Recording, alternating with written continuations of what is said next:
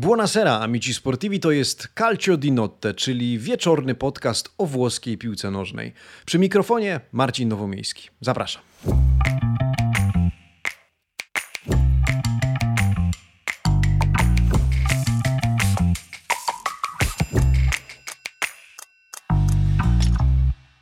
Dobry wieczór, buonasera. Po raz trzeci, po raz trzeci, więc pewną ciągłość, coś co Włosi nazwaliby już chyba e, po trochu i nieśmiało continuita, to jeden z ich ulubionych wyrazów, oznaczający właśnie takie continuum, ciągłość, e, czy ciągłą formę, ale też taką regularność, o może w ten sposób, e, zachowujemy.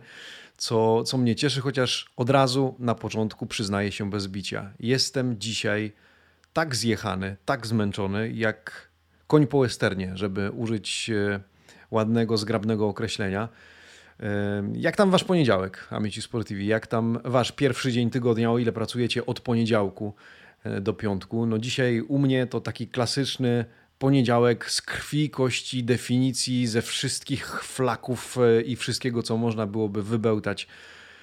No i pomyślałem, że może akurat ten podcast, mimo że jestem potwornie zmęczony, to da mi trochę ukojenia i takiej przestrzeni do tego, żeby się wyciszyć, żeby tutaj właśnie w swojej jaskini skupić się na tym, co, e, co przyjemne na e, rozmowie czy pogadance z Wami na temat włoskiej piłki nożnej, mimo że dopiero przecież zamknęliśmy trzeci rozdział w e, tym sezonie, ten piłkarski oczywiście rozdział.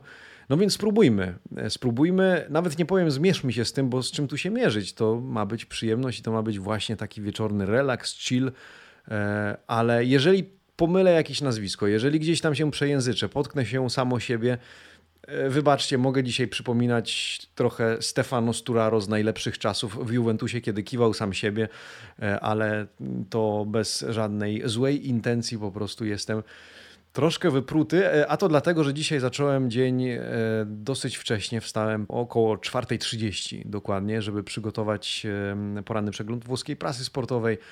Rano było dynamicznie, a później w pracy nie mniej dynamicznie, ale no, może nie będziemy rozmawiać dłużej na ten temat. Tak jak mówię, skończmy ten e, wątek e, i zajmijmy się tym, co przyjemne. E, o czym dzisiaj w ogóle chcę pomówić?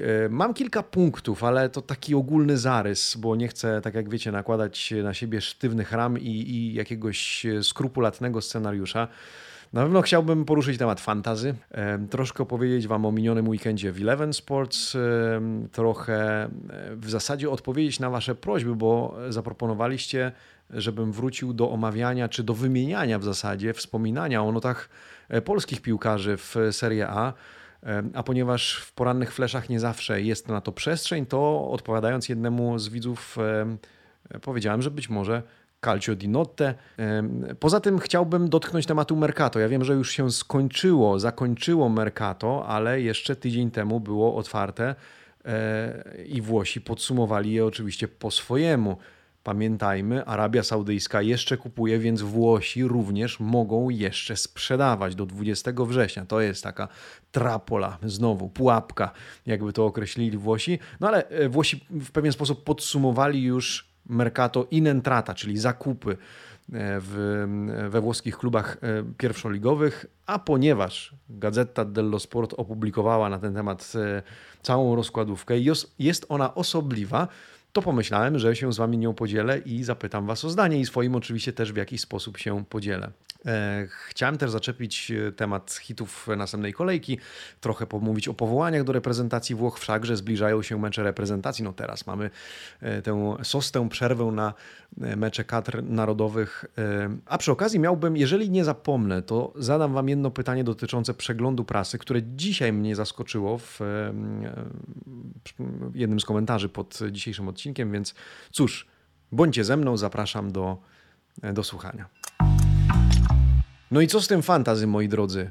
E, powiem Wam tak, jeżeli chcielibyście podpowiedzi, jak zagrać w fantazy, to zapytajcie mnie proszę następnym razem, jak gram i zagrajcie zupełnie odwrotnie. Obiecywałem sobie, że nie będę wykonywał gwałtownych ruchów e, w składach, bo powiedziałem pierwsza, druga kolejka, to jeszcze o niczym nie świadczą i tak dalej, ale przy drugiej kolejce puściły mi e, nerwy, czy w zasadzie straciłem cierpliwość do niektórych graczy. No i słuchajcie, zdjąłem Gianluca Scamacca.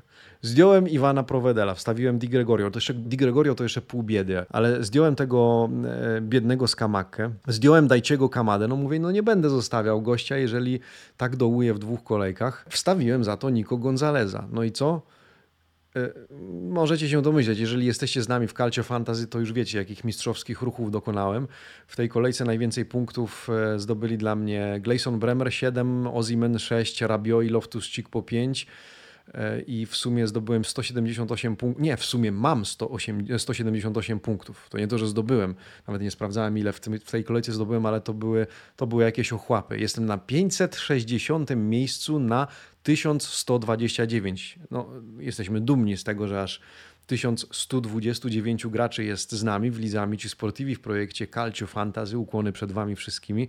No ale ja gdzieś jestem w połowie tej stawki. Z tego, co Hubert dzisiaj zaczepiał e, mnie na Messengerze, to Julek Kowalski, redakcyjny kolega z Eleven Sports, wykręcił drugi wynik w tej kolejce w lidze, więc muszę sprawdzić, co on tam powystawiał, kogo on tam powystawiał, że e, tyle wykręcił. Gratulacje dla wszystkich, którzy są gdzieś tam w czubie, ale nie chcę roboty zabierać Hubertowi. On też nagra podcast podsumowujący tę kolejkę, tak trochę zaspoilerowałem z tym Julkiem Kowalskim.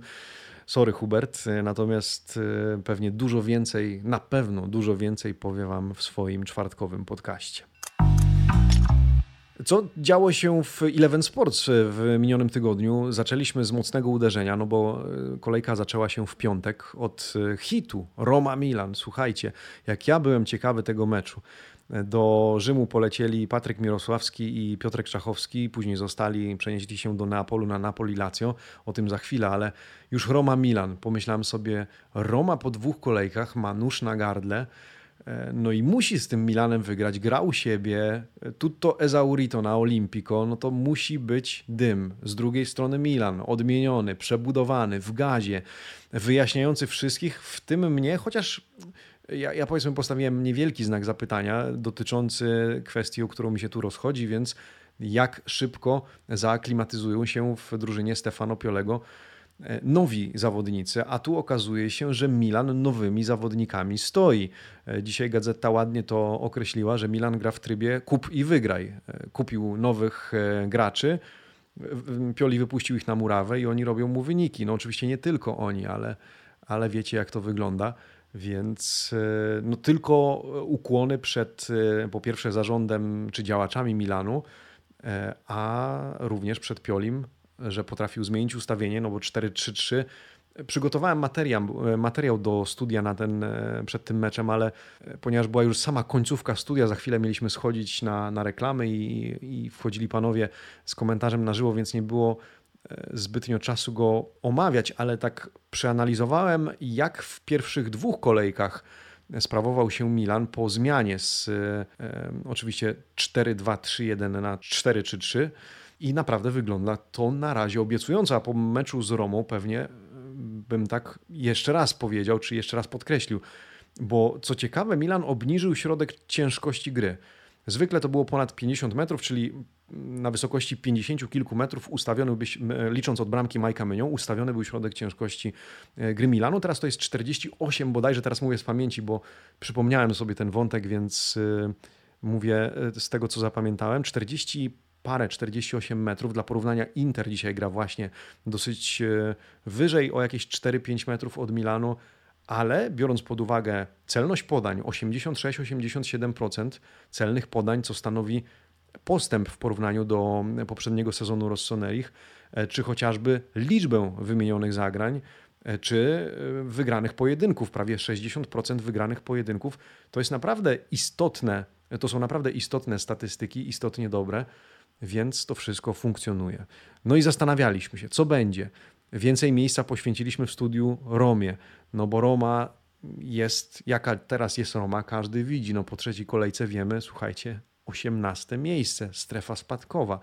Najgorszy start sezonu od 95 roku, od sezonu 95-96. No i okazuje się, że Roma która w pierwszych dwóch kolejkach mogła zrobić dużo więcej. Zwłaszcza mam wrażenie w meczu z Ellasem Verona, gdzie oczywiście brakowało jej napastnika, e, ale słabo gra Chris Smalling. E, posadziłem go na ławie w fantazy. E, chłop na razie nie do poznania w porównaniu ze Smaldinim, w cudzysłowie, z poprzedniego sezonu. Swoją drogą padło pytanie pod którymś z przeglądów prasy, czy Smaldini to takie było na poważnie, czy ironicznie, czy, czy to była taka kpina z, ze Smallinga? I tak troszeczkę wdałem się w niegroźną, wierzę, dyskusję z jednym z naszych widzów, bo, bo nie, to nie było ironicznie. Przecież Smaldini to ten taki przydomek, który miał e, być absolutnym komplementem dla Chrisa Smallinga, bo i bronił, i strzelał, i użycie go w jego kontekście, czy w kontekście zestawienie w ogóle Chrisa Smallinga z Paulo Maldinim było absolutnie pozytywne i absolutnym komplementem. Nie wiem, czy ktokolwiek z Was odniósł wrażenie, że to była taka kpina czy szydera z, ze, ze Smallinga. No a wracając do meritum, w tym sezonie na razie jest na tyle słaby i w ogóle na tyle słaba jest obrona już o Ruim Patricio. Nie chcę mówić, bo na nim się niech wyżywa mój kolega serdeczny Mateusz Janiak, ale jeżeli il romanista, który wiecie, jaką narrację zwykle obiera, i w jakiej optyce stawia Romę. Pisze, że gdzieś obrona zniknęła i artykuł jest zatytułowany Obrona poszukiwana i gdzie jest Smalling, no to coś się dzieje. E, no i to mniej więcej dzieje się w obozie Romy, więc e, to oczywiście było bardzo ciekawe również dla nas e, przed tym spotkaniem. No a jak się skończyło, to już sami wiecie. Olivier Giroud z karnego, fantastyczna bramka Rafaela Leao, w której pomógł Zeki Czelik, chociaż do tego nawiążę przy notach e, polskich zawodników pomógł trochę Nikola Zalewski, Zalewski bo on też e, zgubił Kalabrię, który później dośrodkował właśnie do Leo. No ale nie rozpracowując tego na czynniki pierwsze po raz kolejny, w Romie dzieje się w tym momencie źle. I potrzebny jest Romie twardy reset, absolutne zresetowanie tego, co dzieje się e, w Trigori i okolicach i na Stadio Olimpico w konsekwencji, bo jeżeli nie, to ten sezon nie potoczy się zbyt dobrze, a przypomnijmy, jest to trzeci sezon, ten finalny, finałowy e, trzyletniego projektu pod tytułem José Mourinho w stolicy Włoch. No cóż, zobaczymy jak to skomentują jutro Piotrek Dumanowski i Dominik Guziak w Kalciokaście. Pewnie coś na miniaturę znowu fajnego trafi, natomiast na razie nie jest wesoło. Sobotę, słuchajcie, miałem wolną. Rzadko to się zdarza. Oj, nie pamiętam kiedy, w momencie kiedy gra liga, zdarzyło się, że miałem wolny dzień, e, sobotę albo niedzielę, ale tak się złożyło w związku z wizytą we Włoszech e, Patryka z Piotrkiem, że, że miałem wolne. W związku z tym, słuchajcie, mecz Napoli-Lazio aż dziwnie mi się oglądało, bo zrobiłem sobie drinka, usiadłem na kanapie, odpaliłem telewizor i totalnie, nie wiem, odłożyłem telefon, żeby się totalnie zrelaksować. No i oglądałem, słuchałem. Nie pamiętam kiedy tak obejrzałem mecz. No więc obejrzałem, obejrzałem w sobotę. E, no i muszę przyznać, dobre uczucie, dobre uczucie, więc mam nadzieję, że wy też tak się czasem czujecie, kiedy my pracujemy też, um, oczywiście ciesząc się tym wszystkim dla was za ekranu, um, no to było, to, było, to było spoko, to było fajne. E, w niedzielę e, nagrywałem reportaż do Radia 357, jak co, jak co niedzielę, jak co tydzień, no i miałem to wczoraj niedziela była, to nie tak dawno. E, miałem do skomentowania z Julkiem mecz Lecce Salernitana, tak zastanawiałem się, co ten mecz nam zaoferuje z uwagi na to, że równolegle e, grali w Empoli, Juventus grał w Empoli, już e, dwa razy mi się trafiło, że Juventus, który wolałem obejrzeć, mi gdzieś umknął, bo komentowałem jakiś paździerz, mówiąc w cudzysłowie, czy mecz dla koneserów, a tam strzelali aż miło, na przykład ten Roma 3 do 4 na Olimpico. Przegapiłem. Nie oglądałem tego meczu, słuchajcie, właśnie, bo wtedy Genoa grała ze Specją. No i Sebastian Habiniak może potwierdzić wam, jaki to był, jaki to był piłkarski gniot. No a teraz mamy przerwę reprezentacyjną. Przybyliśmy sobie z piątki z chłopakami, potem e, wróci ledwo liga, to zaczynamy z mocnego znowu uderzenia, no bo w piątek nie ma meczów, tylko programy wprowadzające do, do serii A na Eleven Sports, a w sobotę Juventus Lazio. Komentarz z Allianz Stadium. Julek Kowalski, Tomek Zieliński. E, po czym bezpośrednio derby Mediolanu. I to będzie. Juventus Lazio już będzie dobrym meczem, ale derby Mediolanu, kiedy oba zespoły są w takim gazie, kiedy trudno wskazać mocniejszego. Mam wrażenie, że trochę mocniejszy w tym momencie jest mimo wszystko, mimo wszystko Inter. Ale czy mam rację? Mogę, mogę totalnie nie mieć racji może się okazać, że Milan rozpracuje Inter i pomści derby z zeszłego sezonu. A może się okazać, że Inter rozpędzony jak Pendolino rozjedzie Milan i będziemy mieli kolejną sensację, jak ta w meczu Roma-Milan, chociaż nie wiem, czy nazwałbym wygraną Milanu na Olimpico sensacją w kontekście e, tego, co dzieje się w obu obozach. E, tak czy inaczej, wracamy z mocnym, z mocnym uderzeniem. Już mogę teraz zapowiedzieć, że e, w sobotę mam nadzieję zobaczyć się z Wami od 14 już, bo mecz Juventusu z Lazio jest o 15, więc od 14 ciśniemy ze studiem w Eleven. No, miałem zdradzić ciekawy szczegół dotyczący tego studia, ale nie zdradzę. Słuchajcie, myślę, że niespodzianka, e, więc zapraszam do tego, żebyście byli z nami w sobotę od 14, a później bezpośrednio zajmiemy się derbami, e, derbami Mediolano i będzie na pewno bardzo ciekawie i liczę na dużo emocji e, w tych meczach. W dzisiejszym Corriere dello Sport, no bo nawiążę jeszcze do tego meczu, Napoli-Lazio. Napoli przegrywa, Napoli rzuciło się do gardła e, ludziom Sarriego, e, a okazało się, że Lazio ma jakiś patent na Napoli i to bez Milinkowicza Sawicza. Bianco Celesti pokazali, że potrafią rozpracować nawet mistrza Włoch z Neapolu. No i dzisiaj w Corriere dello Sport co jest? Oczywiście możecie sobie wyobrazić. Rozpracowanie, analiza na rozkładówkę, co jest problemem Napoli. Słuchajcie, trzecia kolejka, ale mistrz Włoch ale zespół, któremu ściele się trójkolorowy dywan, kiedy wychodzi na boisko i puszcza fajerwerki. W związku z tym, no jakoś trzeba to wykazać. Kiedy Napoli e, przegrało z Lazio na, na zajutrz, e, nie było żadnej dużej okładki, znaczy nie, nie było żadnej takiej krzyczącej, krzykliwej okładki Corriere dello Sport, tylko gdzieś tam na jedną trzecią obrazek mówię o Corriere dello Sport w wydaniu dla regionu kampania. Jakiś tam na jedną trzecią strony obrazek, że Napoli e, przegrało, że to nie jest to Napoli, tam mezza Napoli chyba było mm, napisane, więc połowa Napoli, ta brzydka połowa Napoli, ta słabsza połowa, no i przy okazji mniej niż połowa poświęcona na jedynce temu tematowi. To jest ciekawa tendencja we Włoszech, no ale tak to już bywa. E, w każdym razie ta rozkładówka zatytułowana jest Napoli, Rudi e Ombre, czyli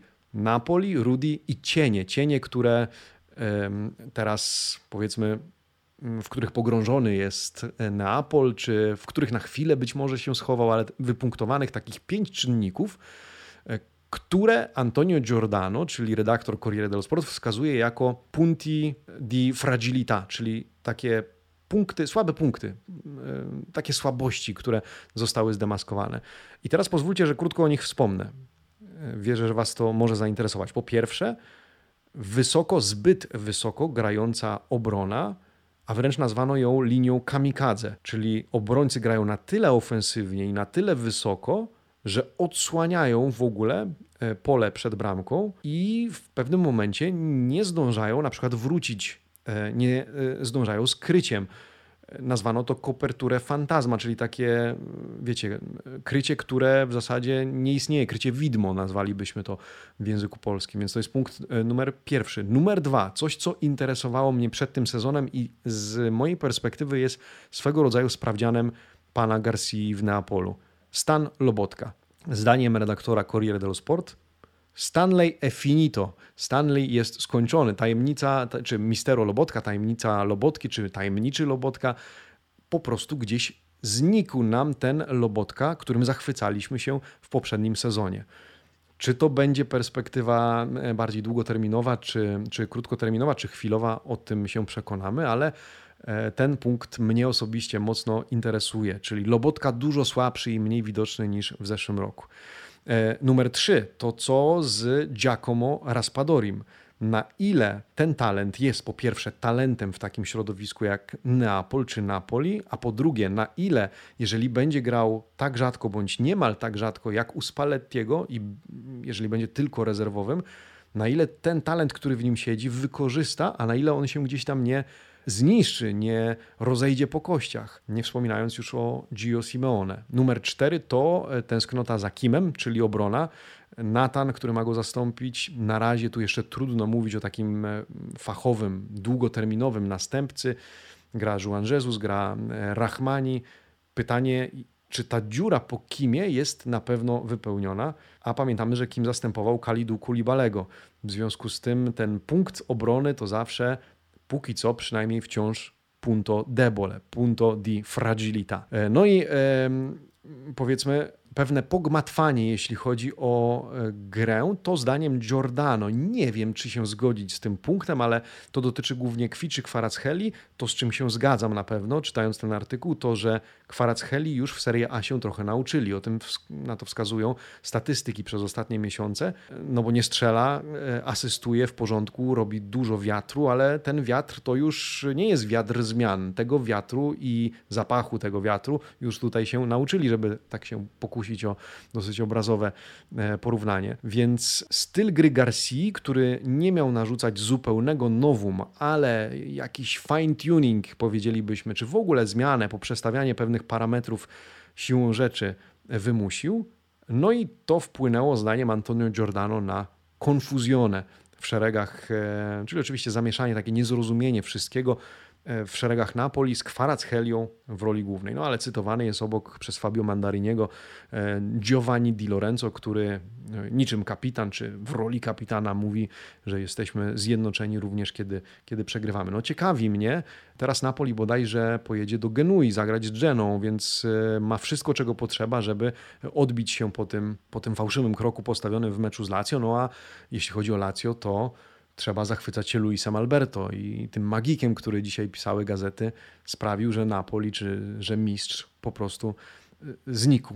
Więc zobaczymy. Dlatego tym bardziej jestem ciekawy tego meczu Juventus kontra Lazio, no bo znowu zderzenie dwóch kultur gry, zderzenie oczywiście ex z Turynem, no bo Mauricio Sarri e, wróci na Allianz Stadium jako ex, przed chwilą rozprawił się ze swoim ex z Napoli czy z Neapolu, no to e, sprawdzimy, jak się e, to wydarzy, czy co się wydarzy w stolicy Piemontu.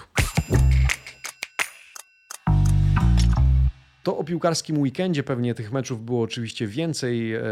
Sam mecz Lecce, tak nawiązując jeszcze do tego z Salernitaną, może nie zachwycił, ale dobrze się to oglądało. Mogę powiedzieć Wam, nie wiem ilu z Was, czy, czy ile z Was było razem ze mną i z Julkiem Kowalskim e, przy tym meczu, no bo spodziewam się, że większość oglądało Empoli Juventus, ale opowiem Wam taką zabawną e, migawkę. Kto oglądał i słuchał przede wszystkim, to wie mamy wstępniak, e, wchodzimy, no i tak jak Wam opowiadałem, Julek powiedział swoje, tam szybko składy realizator wyświetlił, więc jeszcze te składy przeczytaliśmy jak z karabinu, e, no i drużyny wychodzą już, wiadomo, że za chwilę od Generoza, no i był, było te kilka sekund, w których e, ja coś mówię, no i mówię, że, że jesteśmy na tym gorącym stadionie, stadio przy Via del Mare, gorąca publika, tutto esaurito, właśnie, że wszystkie wyprzedane bilety.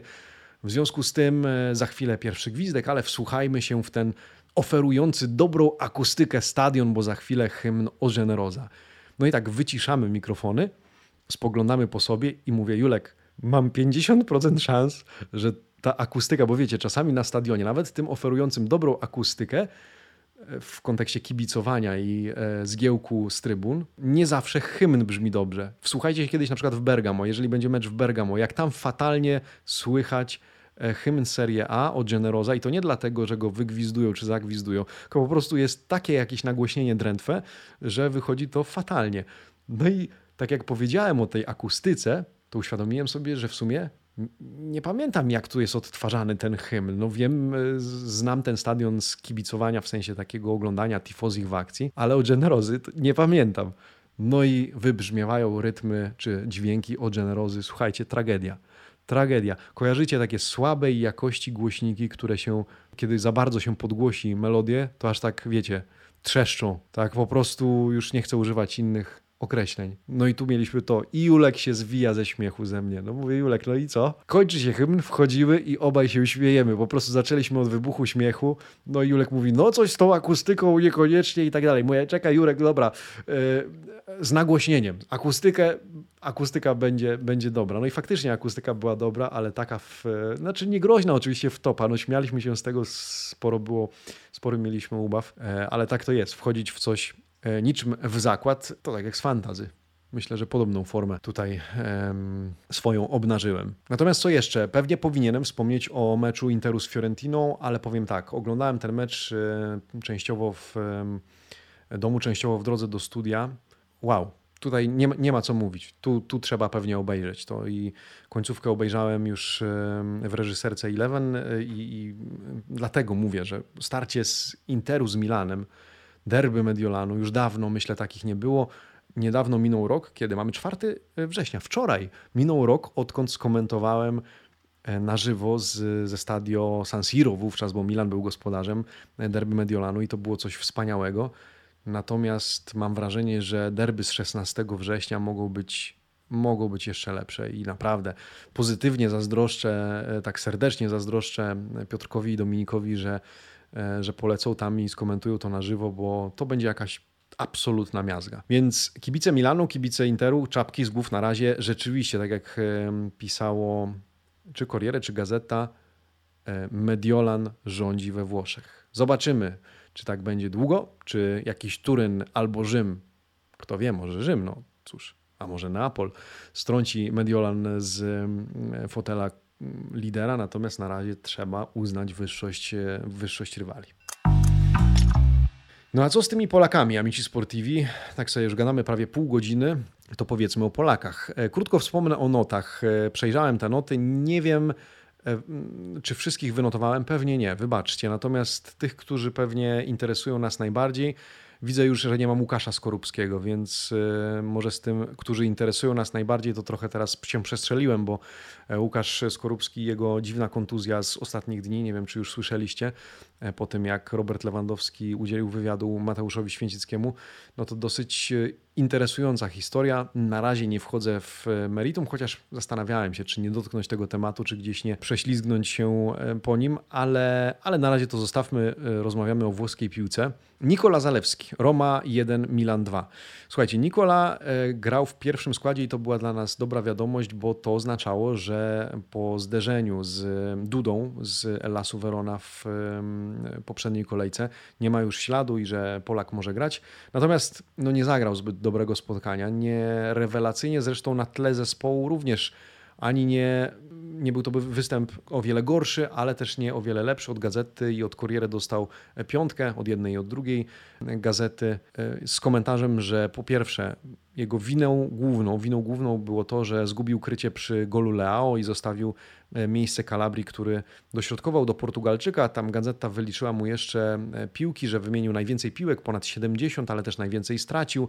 Chyba 74 wymienił, 18 stracił. E, więc z jednej strony im więcej wymienisz, tym większa szansa oczywiście, że więcej też stracisz, ale koniec końców wypadkowa jest może nie na minus, ale na takie przeciętne właśnie 5 od obu dzienników. Piotr Zieliński z meczu Napoli z Lazio, przegranego, przypomnijmy, 1 do 2, dostał 5,5 od Corriere dello Sport i piątkę od Gazety. I to pomimo tej strzelonej, czy tej zdobytej bramki. Gazety pisały, że do pewnego momentu był najlepszy na boisku, ale później zgasł zupełnie, stracił piłkę przed golem na 1 do 2 dla Lazio, więc Polak został oceniony słabiej. Został oceniony zupełnie przeciętne, przeciętnie, mimo że statystyki mogą wskazywać łącznie z golem na coś innego. Sebastian Walukiewicz, Empoli 0, Juventus 2 dostał, co ciekawe, lepsze oceny niż Piotr Zieliński. Tutto Sport oceniło go na szóstkę, 5,5 od Gazety dello Sport i 5,5 od Corriere.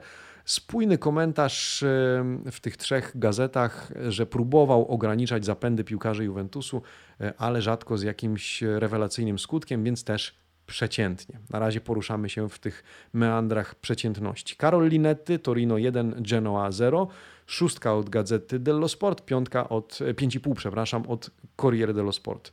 E, za kilka niecelnych strzałów, kilka straconych piłek, ale doceniony za to samo e, zaangażowanie. Więc Karol gdzieś tam też e, trochę w cieniu, ale przynajmniej mamy no nie pierwszą szóstkę, bo Sebastian Walukiewicz od Tutto Sport mówiłem, dostał szóstkę, no to druga szóstka. Przeciętnie zagrał też Paweł Dawidowicz, no taki przeciętny weekend Polaków. Sassuolo 3, Verona 1, po 5,5 od Gazety dello Sport i Corriere dello Sport.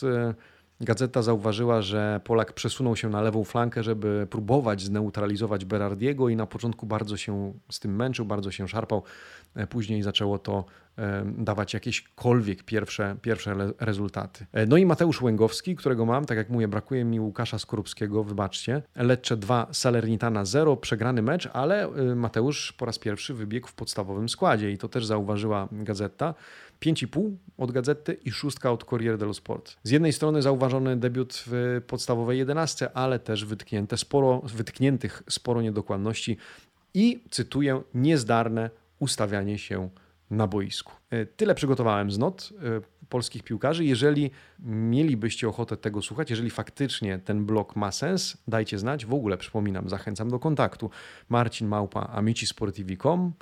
Ewentualnie możecie mi wysłać prywatną wiadomość na Twitterze. E, chętnie przeczytam i odnoszę się do tych wiadomości, co uczynię też właśnie w tym momencie. A nawiążę do pytania Sebastiana, który napisał do mnie pod ostatnim odcinkiem Calcio di Notte w komentarzu na YouTube. To też jest sposób na to, żeby się do mnie odezwać i e, rzucić temat, który mógłbym, e, mógłbym podjąć, czy pytanie, na które mógłbym odpowiedzieć. Serdecznie zapraszam. Sebastian zapytał mnie, czy komentarz, bo to było nawiązanie do e, opowieści na temat przygotowania się do komentarza wówczas Interu, meczu, meczu Interu w Cagliari na Sardynii, czy komentarz nie zabija radości z kibicowania Juventusowi, skoro to tak musi być wiecie, obiektywnie, że a co jeśli Lautaro strzeli gola Juventusowi, a przecież Juventus kontra Inter, wiadomo, no opowiadałem o derbach Turynu i tak dalej, i tak dalej. I to jest w sumie bardzo ciekawa kwestia, nad którą sam się kiedyś e, zastanawiałem, ale którą rozważania, nad którą porzuciłem e, z jakiegoś powodu, a może bez powodu. Sebastian, powiem ci, nie powiedziałbym, że zabija radość z kibicowania Juventusowi. Zastanawiałem się w pewnym momencie, bo czułem faktycznie, że odnoszę mniej radości ze śledzenia meczów Juventusu. Rzecz w tym, że ja bym to przypisał czemuś, co nazywamy allegrismo, a nie temu, że e, mecze Juventusu zdarza mi się komentować. Albo nawet jeżeli nie komentuję, to że Juventus stanowi jakiś pierwiastek czy, czy cząstkę w całości, którą teraz zajmuję się bardziej zawodowo. I muszę przyznać, że kiedy przychodzi mi komentować e, mecz Juventusu, to naprawdę się tym jaram. Jedyne, co mam w głowie, to to, żeby właśnie nie uciec się w jakieś subiektywne e, dzielenie się e, emocjami. Chociaż powiem Wam, kiedy jeszcze nie komentowałem, nie wiem, czy pamiętacie, jak Claudio Giuliani komentował mecze na Juventus Channel jeszcze wtedy. I on komentował oczywiście jako kibic Juventusu, no był człowiekiem klubu. I to mi się tak podobało, ale nie w kontekście samego Juventusu, oczywiście to było dodatkowym smaczkiem, ale sama ta idea mi się podobała. Co więcej, wówczas Sky Sport oferowało takie rozwiązanie, że można było oglądać mecz z komentarzem neutralnym, bądź dla wybranych meczów z komentarzem kibicowskim, w zależności od tego, której drużynie się kibicowało. No i wyobraźcie sobie, kiedy oglądało się taki mecz z Claudio Giulianim w tle e, przed mikrofonem i było się kibicem Juventusu, no to tak jakbyśmy oglądali w gronie kibiców jednego zespołu dany mecz. I to mi się tak podobało i zastanawiałem się, czy to w ogóle ma rację bytu w Polsce. Ale mam wrażenie, że zainteresowanie tego byłoby na tyle, w sensie zainteresowanie versus wyobrażam sobie nakłady, koszty technologiczne, też ludzkie, na tyle tutaj byłoby dysproporcjonalnie, że mógłby ten pomysł się nie, nie sprzedać. Ale to jakieś tam moje rozważania. E, natomiast wracając do meritum, zawsze gdzieś tam się chciałem pilnować, przede wszystkim nie być stronniczym, mimo że zdarzały mi się takie określenia typu, nie wiem, piłka uderzyła słupek szczęsnego i zdarza, zdarzyło mi się powiedzieć, że no tutaj na szczęście nie padła bramka. Później dodawałem na szczęście z perspektywy Juventusu. Oczywiście no, tak się łapałem na tym, że to było takie spontaniczne, niegroźne oczywiście, ale bo czasami zdarzy mi się, że e, powiem tak zupełnie o innym zespole, na przykład, że na szczęście nie padła że na szczęście Inter nie stracił bramki. I to też nie wynika z tego, że super kibicuję Interowi w tym spotkaniu, ale gdzieś tam jakoś przeżywam ten mecz w trakcie na tyle, że, że gdzieś tam się zapomnę.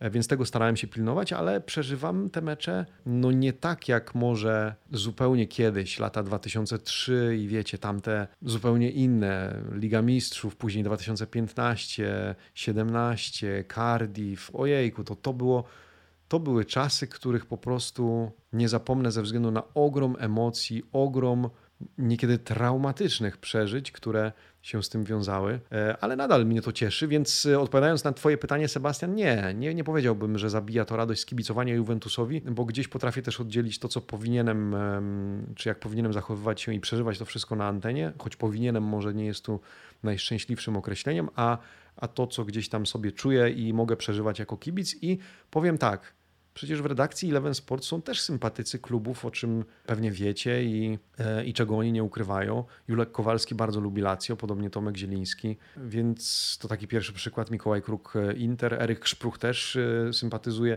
z Interem, ale nie zmienia to faktu, że kiedy kibicujemy, widzicie, kiedy komentujemy, no to robimy to tak profesjonalnie, jak, jak potrafimy.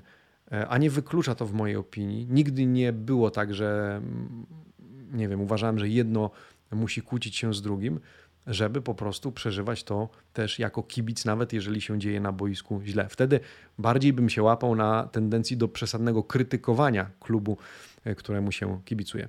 Sebastian, dzięki za pytanie. Mam nadzieję, że po części zaspokoiłem Twoją ciekawość.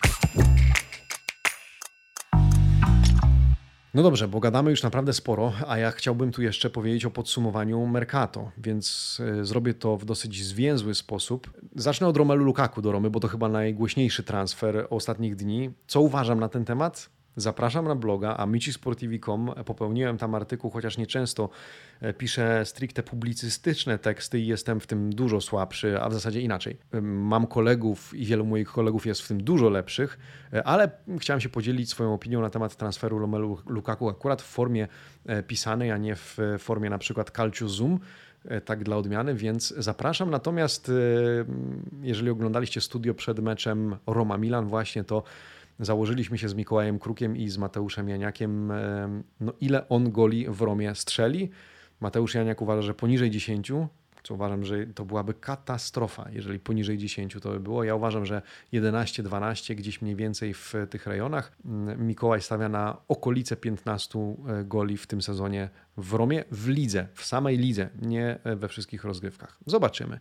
Tak czy inaczej, jestem dosyć sceptyczny wobec tego transferu, ale tu Was zostawiam, zapraszam na amicisportivi.com. Z ciekawszych transferów ze swojej perspektywy uważam, że wymieniłbym na pewno Benjamin Pawarda z Bayernu do Interu. Czekam na jego występ. Mam już go na ławce w fantazy i czekam aż e, go zacznie e, Inzagi wpuszczać. Ja kupiłem go już teraz, póki jest tańszy, bo wierzę, że naprawdę tam będzie dawał, e, dawał radę.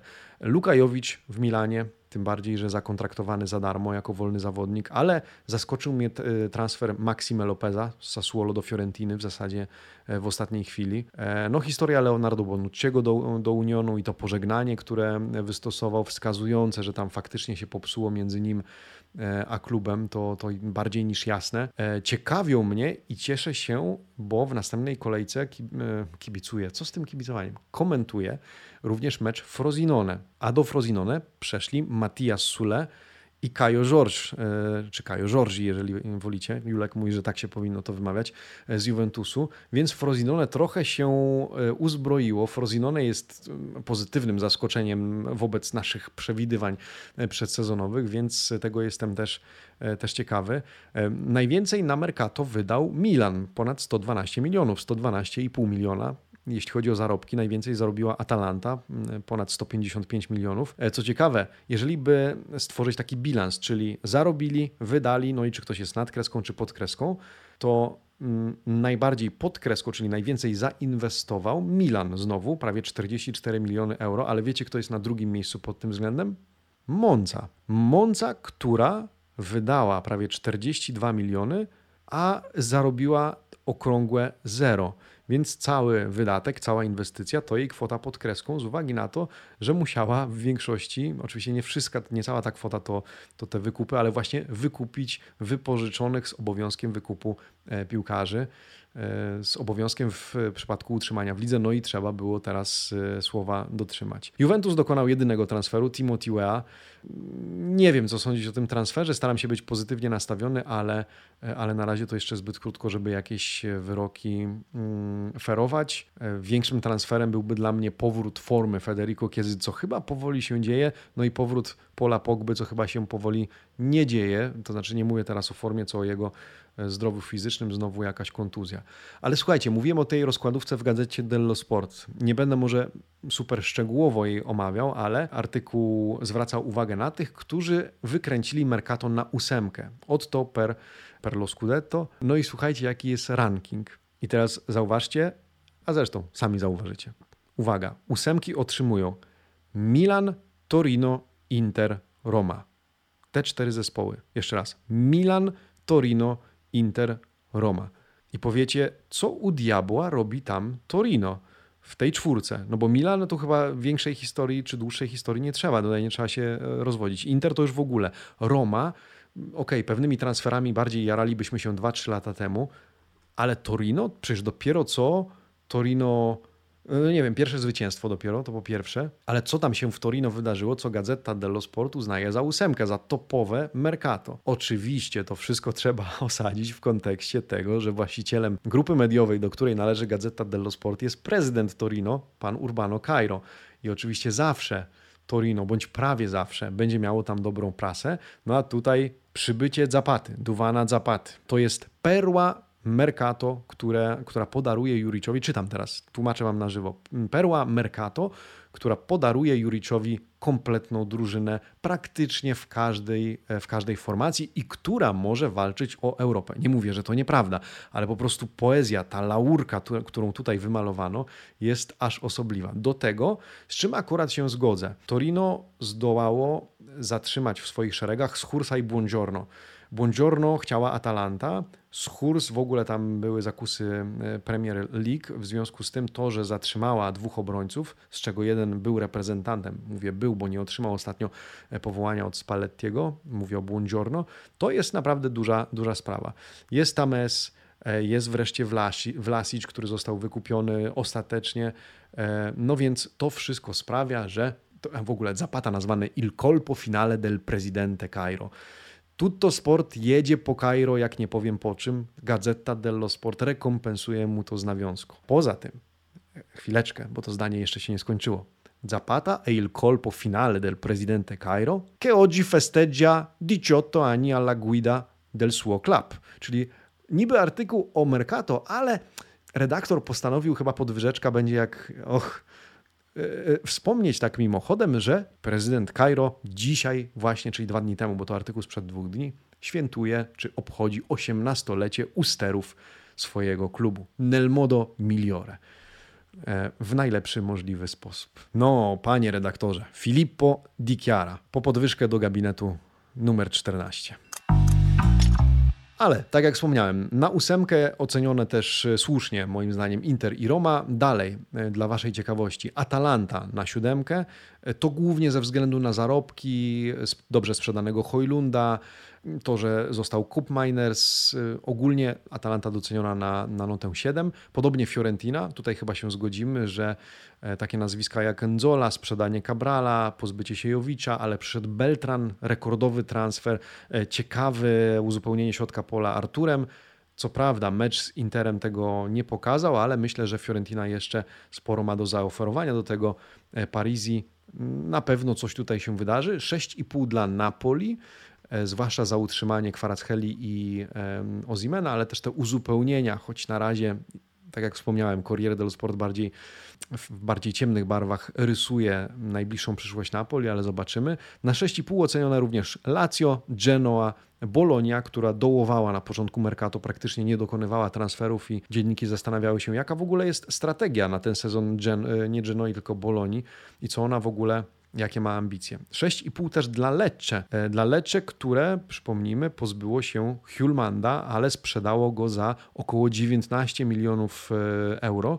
W związku z tym dyrektor techniczny zajmujący się transferami klubu, pan Corvino, no, skonstruował drużynę, o której nawet wczoraj mówiliśmy, że jest jedną z najmłodszych drużyn w Serie A. Wczoraj średnia wieku Lecce, e, które wyszło naprzeciw Salernitany, wynosiła mniej niż 25 lat, więc to też jest ciekawy zespół i myślę, że mocniejszy niż nam wydawało się na początku, ale czas pokaże, na ile są um, długodystansowcami i na, do, czego są, do czego są zdolni. No i na szóstkę ocenione Juventus, e, Monza, Sassuolo, e, Salernitana, Cagliari, Frosinone, no i wreszcie najsłabiej ocenione w gazecie ze względu na działania na Mercato E, to jest na 5,5 Ellas Verona, Udinese oraz Empoli. Empoli, które e, zresztą zajmuje ostatnie miejsce w tabeli, no i przyjdzie mu się zmierzyć z Romą. No i na koniec e, totalny koniec, bądź prawie totalny koniec. Zastanawiam się, czy mnie nie rozstrzelacie po tym odcinku, bo on może trwać nawet godzinę. Powołania do reprezentacji Włoch na mecze z Macedonią Północną i Ukrainą, bo to teraz przed nami, najbliższy, najbliższy weekend, w zasadzie weekend i wtorek. E, bardzo jestem ciekawy Luciano Spallettiego i jego reprezentacji. Luciano zresztą udzielił wywiadu cytowanego na łamach prasy dosyć szeroko, mówiąc, że podjął właściwą decyzję. Ale tak w dużym uproszczeniu, gdybyście, jeżeli macie wyobrażenie o dotychczasowym składzie reprezentacji Włoch, no to tak, powołań nie otrzymali Bonucci, Verratti i Scamacca. E, są za to w składzie Romagnoli i Mancini. Wrócił czy wraca Manuel Locatelli. Zadebiutuje Casale. W ogóle Maurizio Sarri wypuszcza na kadrę e, Włoch pięciu zawodników. E, jest Nicolo Zaniolo, dzisiaj już w Aston Villi.